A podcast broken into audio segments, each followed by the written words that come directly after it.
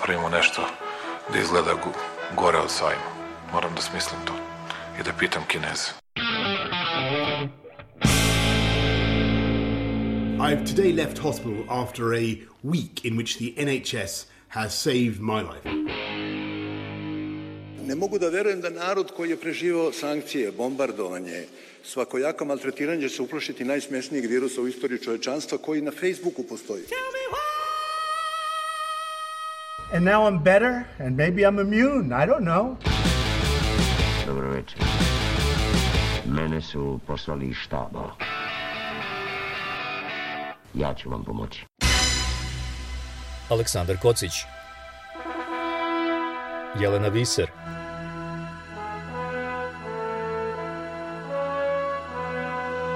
Radio Karantin Hronika istorije u nastajanju I pledge to be a president who seeks not to divide but unify who, who doesn't see red states and blue states only sees the United States Amerika je dobila novog predsjednika Joe Bidena i prvu ženu na mestu potpredsjednika Kamalu Harris. Radio Karantin pobednicima izbora čestita na ovom triumfu, a poraženog kandidata poziva da sportski prizna poraz i mirno se povuče. Ja sam Aleksandar Kocić, dobrodošli u novi Radio Karantin. Ovu nedelju, bar što se pandemije COVID-19 tiče, obeležava vest da je jedna od vakcina u završnoj fazi dala obećavajuće rezultate – Radio Karantin sprema specijalnu emisiju o vakcinama tim povodom. Danas pak pokušavamo da saznamo kako nastaju i odakle dolaze lažne vesti u vezi sa pandemijom COVID-19 i kako se protiv njih boriti. No, pre toga, američki izbori. Šta u borbi protiv pandemije Amerikanci i svet mogu da očekuju od Joea Bidena? O tome sam razgovarao sa profesorkom političkih nauka na Državnom univerzitetu Floride, Aidom Hozić, koju sam prvo pitao da li je COVID-19 bio presudan na ovim američkim predsjedničkim izborima. Izgleda da je igrala manju ulogu nego što smo mi mislili. Ova, ja mislim da je bilo da je očekivanje bilo da će da je Trumpov pristup covidu bio toliko katastrofalan da će demokratski uh, pristup koji je tako nekako razumniji i više baziran na nauci njima donijeti mnogo više glasova nego što jeste. Očigledno je sad iz tih nekih prvih uh, ovih izlaznih rezultata sa izbora da uh, je dosta ljudi bilo uh, nezadovoljno naravno uh, samom situacijom u kojoj su se našli uh, i da su na neki način, ja mislim, poverovali Trumpovom pozorištu o, o, o virusu kao, kao gripi, kao a, bezazlenoj bolesti, više manje bezazlenoj, kroz koju treba svi nekako da se da proguramo i preživimo, ali ne treba da se zaustavimo i prestanemo da radimo ono što radimo. Nažalost, ja mislim da nije, da mislim da taj, da očekivanja demokratska da će, da će virus biti, da će im virus doneti tako mnogo više glasova se nisu realizovali. Kad sam video ovu vest o, o Pfizerovoj vakcini, palo mi na pamet Trumpa koji je, rekao, sigurno pomislio da se ovo desilo nedelju dana ranije, ja bih pobedio na izborima. Pa to je, Janes Janša je to već rekao u nekom tweetu, je otprilike rekao pitanje koliko su oni ovo dugo znali pa su čuvali ovaj, i nisu, nisu najavili da ne bi Trump, ovaj, da ne bi Trump pobjedio. Trump je juče, međutim, ono, koliko sam ja uspela brzo da vidim gledajući po, po, po Foxu i tako, po medijima koji su njemu skloni, Uh, on je vrlo brzo počeo da se hvali kako je ta vakcina se pojavila i da je to zahvaljujući njemu, iako naravno ova vakcina nema nikakve veze sa njegovim programom koji je, ovaj, koji je on podržavao. Ok, Biden preuzima uh, funkciju uh, u januaru i najavljuje, on je već formirao neku radnu grupu koja treba da se, odnosno formira neku radnu grupu koja treba da se bavi uh, problemom pandemije. Šta znamo do sada o tome šta on namerava da uradi? Ja bih prvo naglasila da bez obzira što većina Amerikanaca, uključujući mog supruga koji isto tako se bavi političkim naukama, su ve, duboko veruju da će Biden preuzeti vlast u januaru. Ja bi ipak stavila naglasak na to da, da Amerika ima praktično novog predsednika, ali ga još uvijek nema. Uh, šta Trump još uvijek može da uradi ova dva meseca, mi ne znamo. I nije to pitanje samo Trumpa, nego očigledno pitanje čitave republikanske partije koja se ponovo koja ponovo staje iza njega Tako da i dalje je sve moguće u ovoj zemlji. Ali što se, što se tiče covid sada, mislim, Biden je naravno to rekao da će mu biti prioritet, da će sam njegov pristup COVID-u biti baziran na nauci za razliku od Trumpa za kojeg se smatra da je taj pristup baziran isključivo na politici. Oformio je novu grupu u kojoj ima dosta ljudi koji su već ranije radili na ono kao i na vaminim reformama zdravstvenog sistema, ali i nekih novih epidemiologa i tako za koje koji su priznati i koje podržava većina stručnjaka.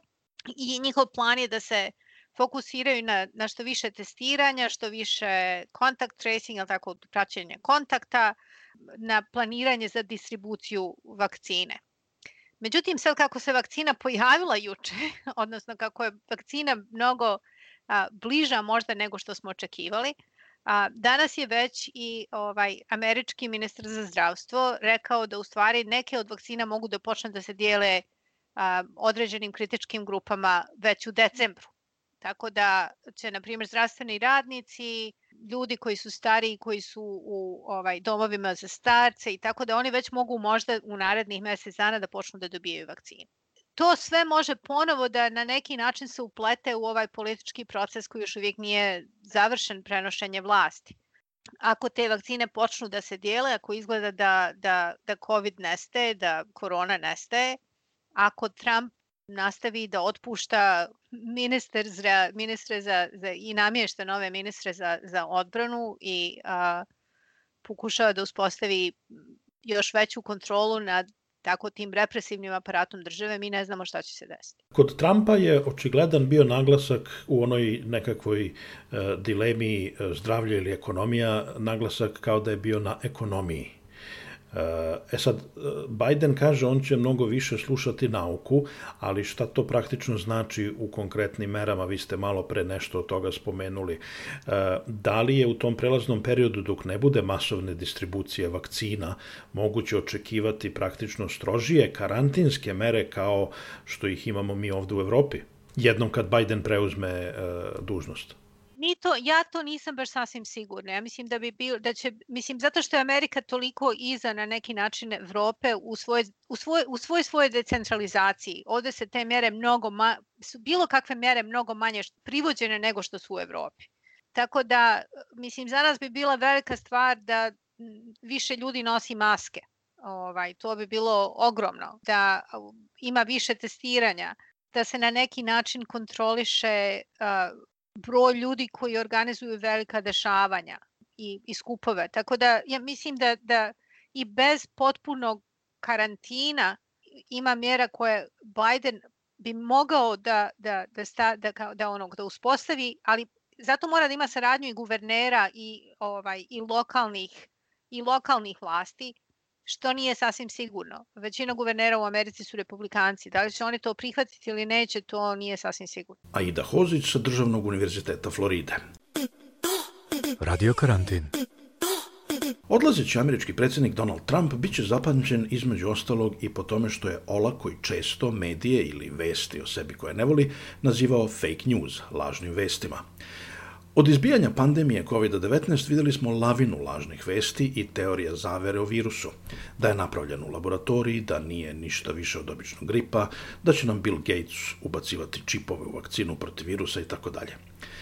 Kako se boriti ili bar zaštititi od ovakvih tvrdnji koje se uglavnom šire društvenim mrežama, ali često dolaze i iz usta najviših državnih zvaničnika – Milana Popović je urednica u Istinomeru, jednoj od takozvanih fact-checking organizacija koje proveravaju istinitost vesti koje kruže društvenim mrežama ili istinitost onoga što govore zvaničnici.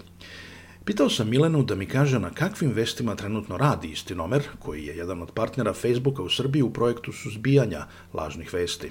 U, okviru aktualne zdravstvene krize, jel te, Istinomer negde u najvećoj meri se susreće sa lažnim vestima, odnosno sa dezinformacijama koje se tiču toga da li su recimo maske za zaštitu protiv virusa delotvorne ili ne, koliko je sam virus, da li je sam virus izmišljen ili ne, pošto jako puno postoji teorija zavere ovaj, o tome da je jel, virus nastao u nekakvim laboratorijama, a, ili da uopšte ne postoji i da, su, da je sve to deo nekakvih svetskih a, zavera jel te, protiv stanovništva. Maske su sad aktuelne. E, šta srećete kad su maske u pitanju? Pa, dakle, maske se uh, u tim dezinformacijama na koje mi nailazimo uh, često se tvrdi uh, da maske apsolutno nisu delotvorne protiv virusa i da su one zapravo um, na neki način, jel te, tvrdi se kao sredstvo kontrole građana. I ovaj, verovatno i, i vaši slušalci su, su čuli već za onaj izraz, kolokvijalno ih zovu teoretičari zavere brnice. Jel, jel te nam nekakvi navodno u, u njihovoj interpretaciji nekakvi a, a, lažni doktori nam ovaj stavljaju zapravo tim a, nametanjem da nosimo maske i da se čuvamo protiv virusa a, nam navodno jel te kao stavljaju brnice građanima stavljaju brnice ovaj kako bi ih kontrolisali.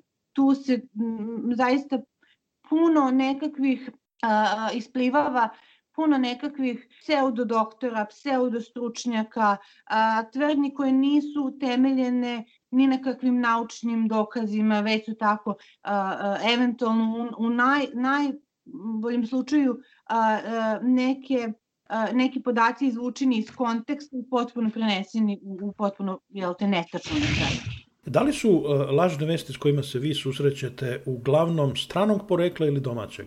to je onako, možemo da kažemo da, da se te lažne vesti poprilično šire a, iz, iz više izvora.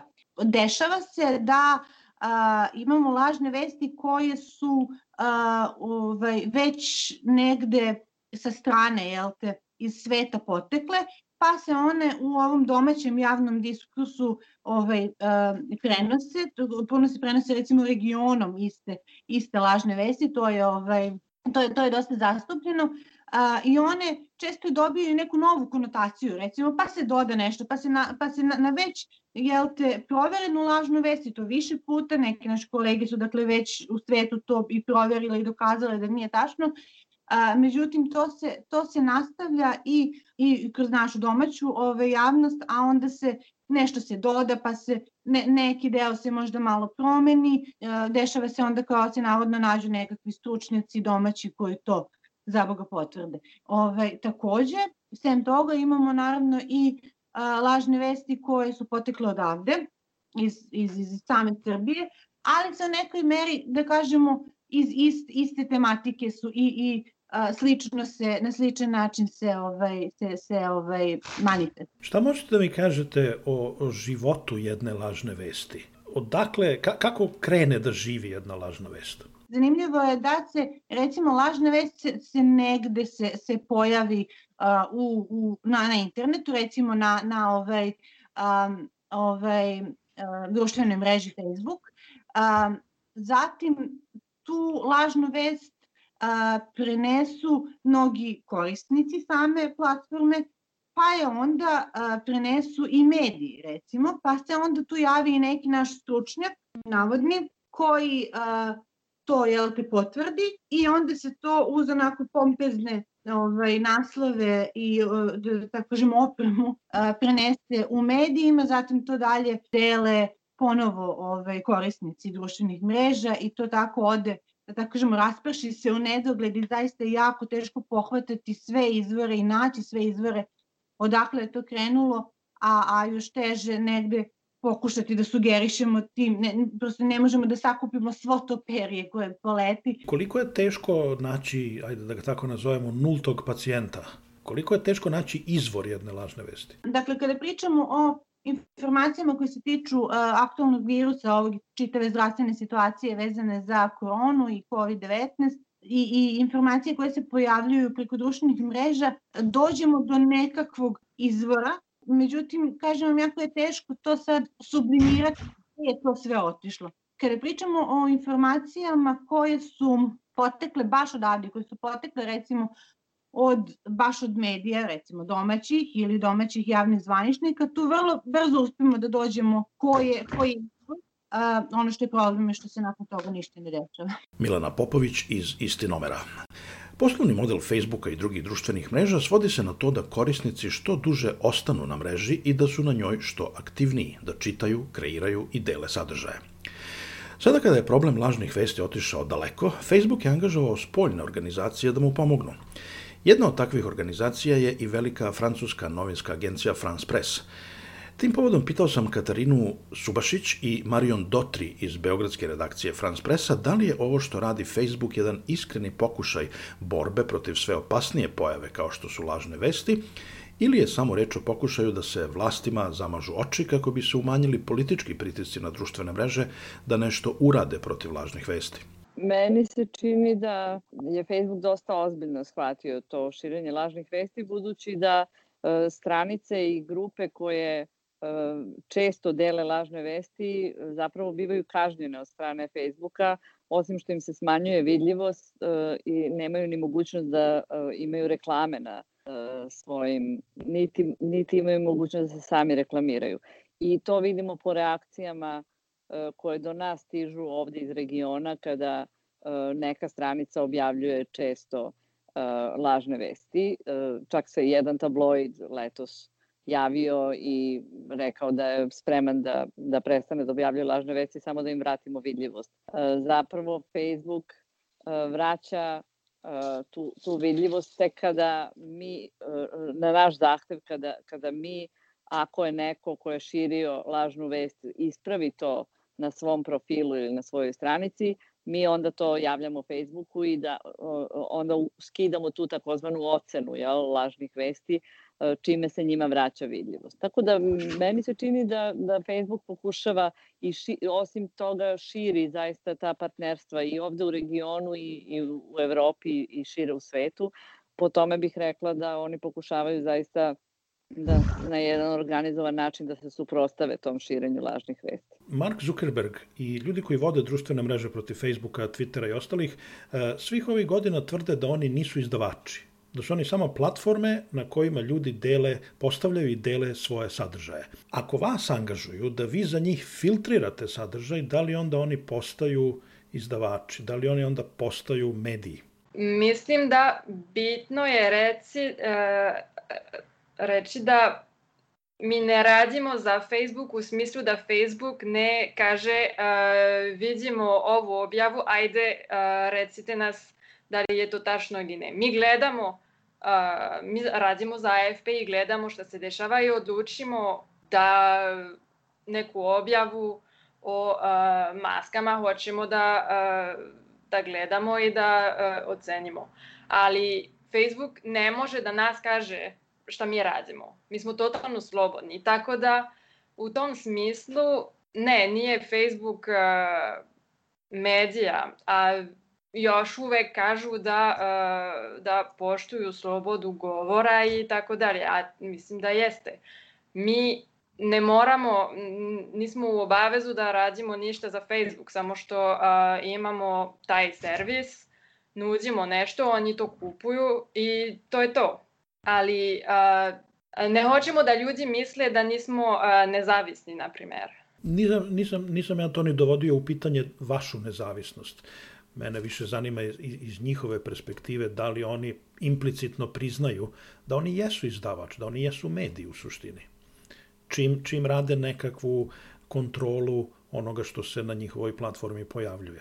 Mislim da su shvatili da uh, ako ne reaguju, uh, ljudi će pustiti platformu. Et, a zato su reagovali. A ljudi koji će ostati na, na platformu će biti ovi ljudi koji, uh, koji šeruju uh, mržnju i lažne vesti i tako dalje. I njima kao biznes mislim da ne interesuje toliko. Katarina Subašić i Marion Dotri iz agencije France Press.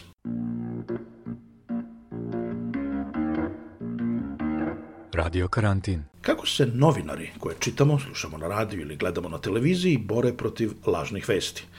O tome sam razgovarao sa novinarkom televizije N1 Jelenom Zorić, koja mi je rekla da su za njenu redakciju najveći problem bili neodgovorni zvaničnici. Nama novinarima, bar sa televizije N1, je najveći problem bio, se pojavio na samom početku e, epidemije u Srbiji. E, već je bila proglašena pan, e, pandemijska situacija zbog COVID-19 i najveći problem nam je bio to što smo mi e, prenosili uživo, dakle ta brana mnogo, mnogo nije mogla da pomogne e, novinarska u tom momentu da nekako filtrirate informacije, da vidite šta, koje su dobre, koje nisu, već smo prenosili uživo konferenciju za štampu koja se dešavala krajem februara 2020. na kojoj su govorili uh, predsjednik Srbije Vučić i uh, epidemiolozi i gde smo čuli da je ko koronavirus najsmešniji virus na svetu, gde je predsjednik govorio da alkohol pomaže, pravio šale na kontu toga kako treba popiti rakijicu. I čitava ta konferencija je prošla tako što nekako relaksirajuće malte ne delovala na ljude i svi su se smejali na toj konferenciji, svi su jako neozbiljnom, eto sad mogu da ocenim, prišli tom problemu u tom momentu. Mi u Srbiji još nismo imali ni jednog registrovanog od COVID-19, COVID-19, ali u tom momentu su širom sveta ljudi umirali. Širom sveta su ljudi umirali u Italiji, koja nam je veoma blizu, je već bilo katastrofalno stanje, ljudi, e, bolnice su bile prepune, ljudi su umirali na bolničkim, u bolničkim hodnicima, jer nije bilo mesta, lekari nisu mogli da se snađu, a, a nama je tada govoreno sa zvanične konferencije za štampu iz predsjedništva Srbije je od strane epidemiologa koji je na neki način bio podržan od strane predsjednika kao najvišeg državnog organa savjetovano ako smo žene da idemo u shopping u Italiju, da je sve sada tamo jeftino. I ta situacija ubrzo je postala vrlo zabrinjavajuća u Srbiji, ali tu konferenciju koja je nekako bila prva o koronavirusu i o COVID-19, prva u Srbiji, je pratio jako veliki broj ljudi. I taj jako veliki broj ljudi je dobio poruku da je reč o najsmešnijem virusu na svijetu. Da li biste vi to okarakterisali kao fake news? Kako da ne, to je čist fake news i to nije samo to nije samo fake news za koji možete da se izvinite i da kažete izvinjavamo se, objavili smo netačnu informaciju. To je e, maltene preraslo fake news u neku masovnu manipulaciju e, građanima Srbije. I vi od tog momenta, momenta već imate potpunu konfuziju. Ja se dan danas susrećem sa građanima koju zašto kažu jao vi se N1 non stop nas maltretirate da nosimo maske, da se ne viđamo s ljudima, ajde bre ova korona je smešna. Mi smo doživeli da u Srbiji da fake news dođe od najvišeg državnog organa ili ti sa konferencije koju je predvodio najviši državni I posle toga vi imate užasno težak posao da, e, da to ispravljate. Jedan zvaničnik, u ovom slučaju najviši državni zvaničnik, kaže tako nešto, popi rakiju i baš te briga, to je govorio i Lukašenko e, u Belorusiji, drmni vodku i sve će biti u redu. E, kako onda ide provera toga? Koje vi kao redakcija korake preduzimate da, ja vas ovo pitam zato što želim da slušaoci koji slušaju ovaj podcast shvate malo bolje šta sve novinari rade ili ne rade da bi proverili verodostojnost informacija koje e, objavljuju. Šta vi radite, na primjer, ako ovaj kaže, ma šta, beli, beli luk i rakija i cepaj? Pa znate šta, ako tako nešto kaže, a imam informacije iz cijelog sveta da ljudi umiru, nije mi potrebna neka posebna provera. Mislim, mi smo pre toga čak imali, nije se jedino u Srbiji spominjao taj beli luk, mi smo imali nekoliko dana posle te konferencije vest iz Latinske Amerike, da je žena umrla i se prejala belog luka. Mislim, bilo je takvih, e, e, bilo je takvih neodgovornih ponašanja širom, širom sveta. E, ako je Svetska zdravstvena organizacija nadležna za ovu situaciju, naš, naš prvi uvek korak u, svi, u svakoj ovoj situaciji kada su u pitanju vesti tokom koronavirusa je bio da kontaktiramo Svetsku zdravstvenu organizaciju ja sam sa tim ljudima na mobilnom telefonu redovno u prepisci. I uh, svaku informaciju proveravamo, proveravamo sa njima. Da, vrlo su ljubazni, odgovaraju, odgovaraju na poruke novinara. Dakle, nije potrebno, ne znam, nije to ne znam kakva procedura da dođete. Eto, tako proveravamo. Druga stvar, ono što uvek mi radimo, bar scen 1, to je, to je ja, to je da uvek uh, navodimo izvor. Jako se trudimo da navedemo uvek izvor, da to ne budu naši komentari, nego da citiramo uh, institucije, organizacije, stručnjake, navodimo izvore. I to je jako važno da ljudi čuju ko je to rekao. Da bi, ukoliko dođe do eventualno nekog demantije, to mogli da čuju da opet od, ko, od koje strane je to stiglo. Radio karantin. Lažne vesti u koje spadaju i teorije zavere najviše se šire preko društvenih mreža, ali kao što smo čuli od današnjih sagovornika i preko zvaničnih kanala iz usta državnika i državnih službenika. Ipak svi se slažu da najveću pretnju istini donose društvene mreže poput Facebooka. Zato sam pitao direktora programa na informativnom kanalu Newsmax Adria u Beogradu, Slobodana Georgijeva, da mi kaže da li mislite da tradicionalni mediji mogu da dobiju ovu informativnu bitku i povrate svoj primat kao osnovni i pouzdani izvor informacija? Tradicionalni mediji i uopšte novinarstvo gubi bitku onda kada se odrekne svojih moći. A osnovna moć medija je da zapravo i određuje šta je tema debate. Dakle, mi smo ti koji kažemo ovo je važno, ovo je vest.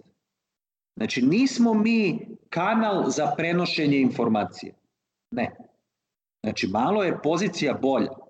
E sad, ako vi zavisite od društvenih mreža, ako novinari misle da će samo na društvenim mrežama pronaći sadržaj kojim će puniti svoje tradicionalne medije, onda je stvar, onda je stvar gotova. Dakle, mediji i novinari moraju to da probaju. Znači, oni moraju da prave sadržaje. Oni, koji je, kako da vam kažem, ja to kažem ovako, znate, kada imate tumor, vi idete kod najboljeg hirurga. Znači, vi ne odete kod, u mesaru, nego kažete ko je najbolji hirurg. Ja bih hteo kod najboljih hirurga da odem da me, da, da me sredi. E, to je to. To moraju mediji da objasne publici. Ista je situacija. Ne može svako da bude novinar. Ne može sve da bude mediji. Nije sve vest. Vest je ono što mi objavimo. Mediji moraju prosto da se bore za svoje mesto. Znači oni moraju, e, e, stvari u tome što su se mediji u nekom ranijem periodu, znači do, do, do tog perioda pre interneta, dakle oni su se nekako otromboljili, dakle oni su se opustili. Znači, mesto je bilo zagarantovano. Tad nije zagarantovano. Znači, moraš da se boriš za svoje mesto. Moraš da se boriš za svoju publiku. Moraš da dođeš do svoje publike da joj kažeš, ej, ja sam taj koji se bavi, to je moj posao. Znači, to je moj posao. Ne ovi što ti pišu okolo, svaki koji laje. To je uvek bilo. Ljudi sede po kafanama, pričaju i, znači sad su chat roomovi, nekadašnje kafane, barovi i tako dalje. Ali vest je ono što prave mediji. Znači, ne ono što, ne oni koji šire glasine, nego on. I tu je, znači, fact checking, provera činjenica, provera podataka, upoređivanje podataka, navođenje izvora, relevantnih izvora, kredibilnih izvora, to je to. I to mediji znaju, oni to moraju da primene i bit će sve u redu. I kažete mi na kraju, počeli smo razgovor sa pričom o Trumpu kojeg su isekli uh, američki kanali, pojedini. Uh, da li biste vi uh, isekli Vučića u uživo prenošenoj preskonferenciji? Pa znate šta, ja prvo nikad Vučića ne bi pustio u tu njegovu preskonferenciju, osim ako to nije proglašenje mira, objava rata, ili, kako da vam kažem, da znamo da je nešto kapitalno. Ali recimo mi imamo ovde iskustvo da on drži konferencije za medije kad god oseti potrebu za tim. Znači kad god misli da bi sad on trebalo, recimo kao što je sad posljednji put imao pre neki dan kada mu je propao taj pokušaj da se pojavi na toj sahrani u Podgorici da govori, onda je sutradan i, a bio je, a rečeno je recimo da se nije, a, nije mu dozvoljeno da govori zato što su popovi mu rekli da on izdao Kosovo, onda je on došao naredni dan i sad ti popričao o tome kako nije izdao Kosovo. Dakle, to je koješta, to su predstave i ja mislim da te stvari uopšte ne zavređuju ovaj medijski prostor. Tako da nema šta tu da se prekine, kažem vam, po meni te stvari nisu, nisu, nikad, nisu nikad za live prenošenje, znate. Da li su američki mediji napravili presedan time što su uh, isekli predsednika? Pa dobro, presedan jeste napravljen. Jer, kažem, mnogi ljudi u programima lažu. ja mislim da tamo da je Trump uradio jednu stvar koja je u isto vreme i dobra i loša.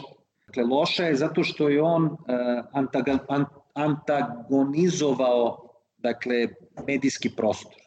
Dakle, on je taj lik koji to kaže, jer to je on preselio iz realitija. Ili si mhm. za, ili si protiv. Ovaj ostaje, ovaj ispada. Znači, svet ne funkcioniše tako.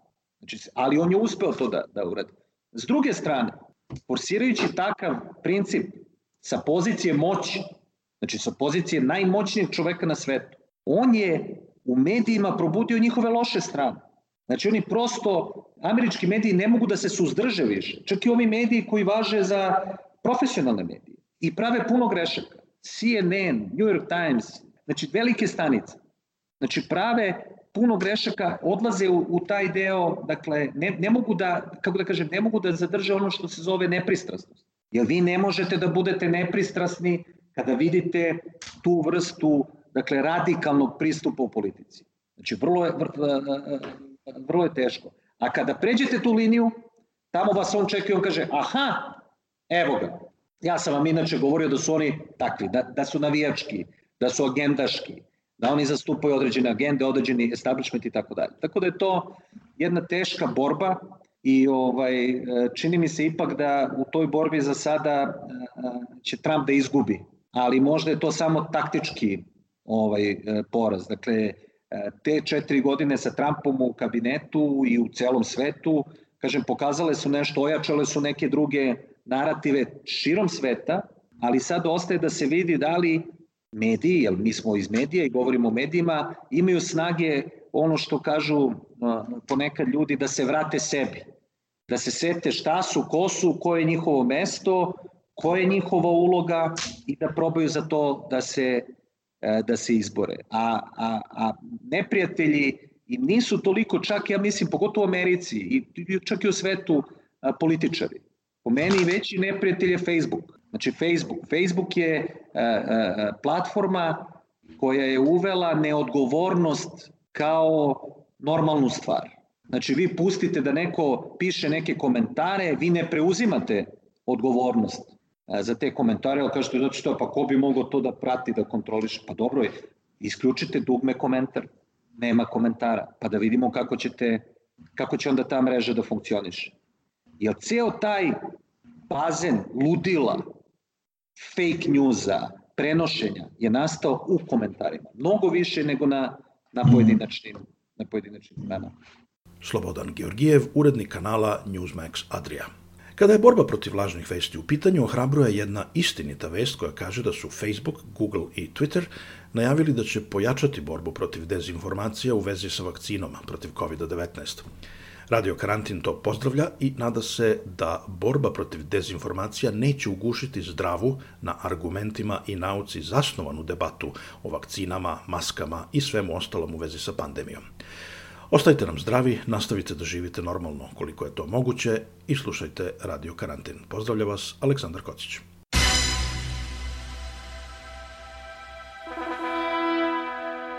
Moramo da napravimo nešto da izgleda gore od sajma.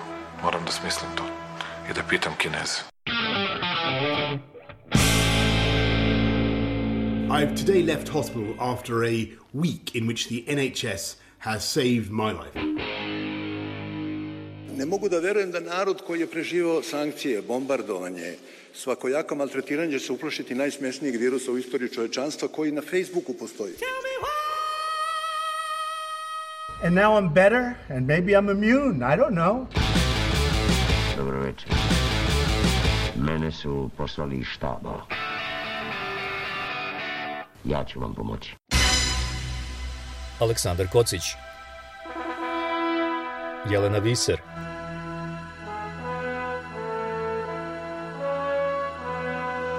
Radio Karantin. Hronika istorije u nastajanju.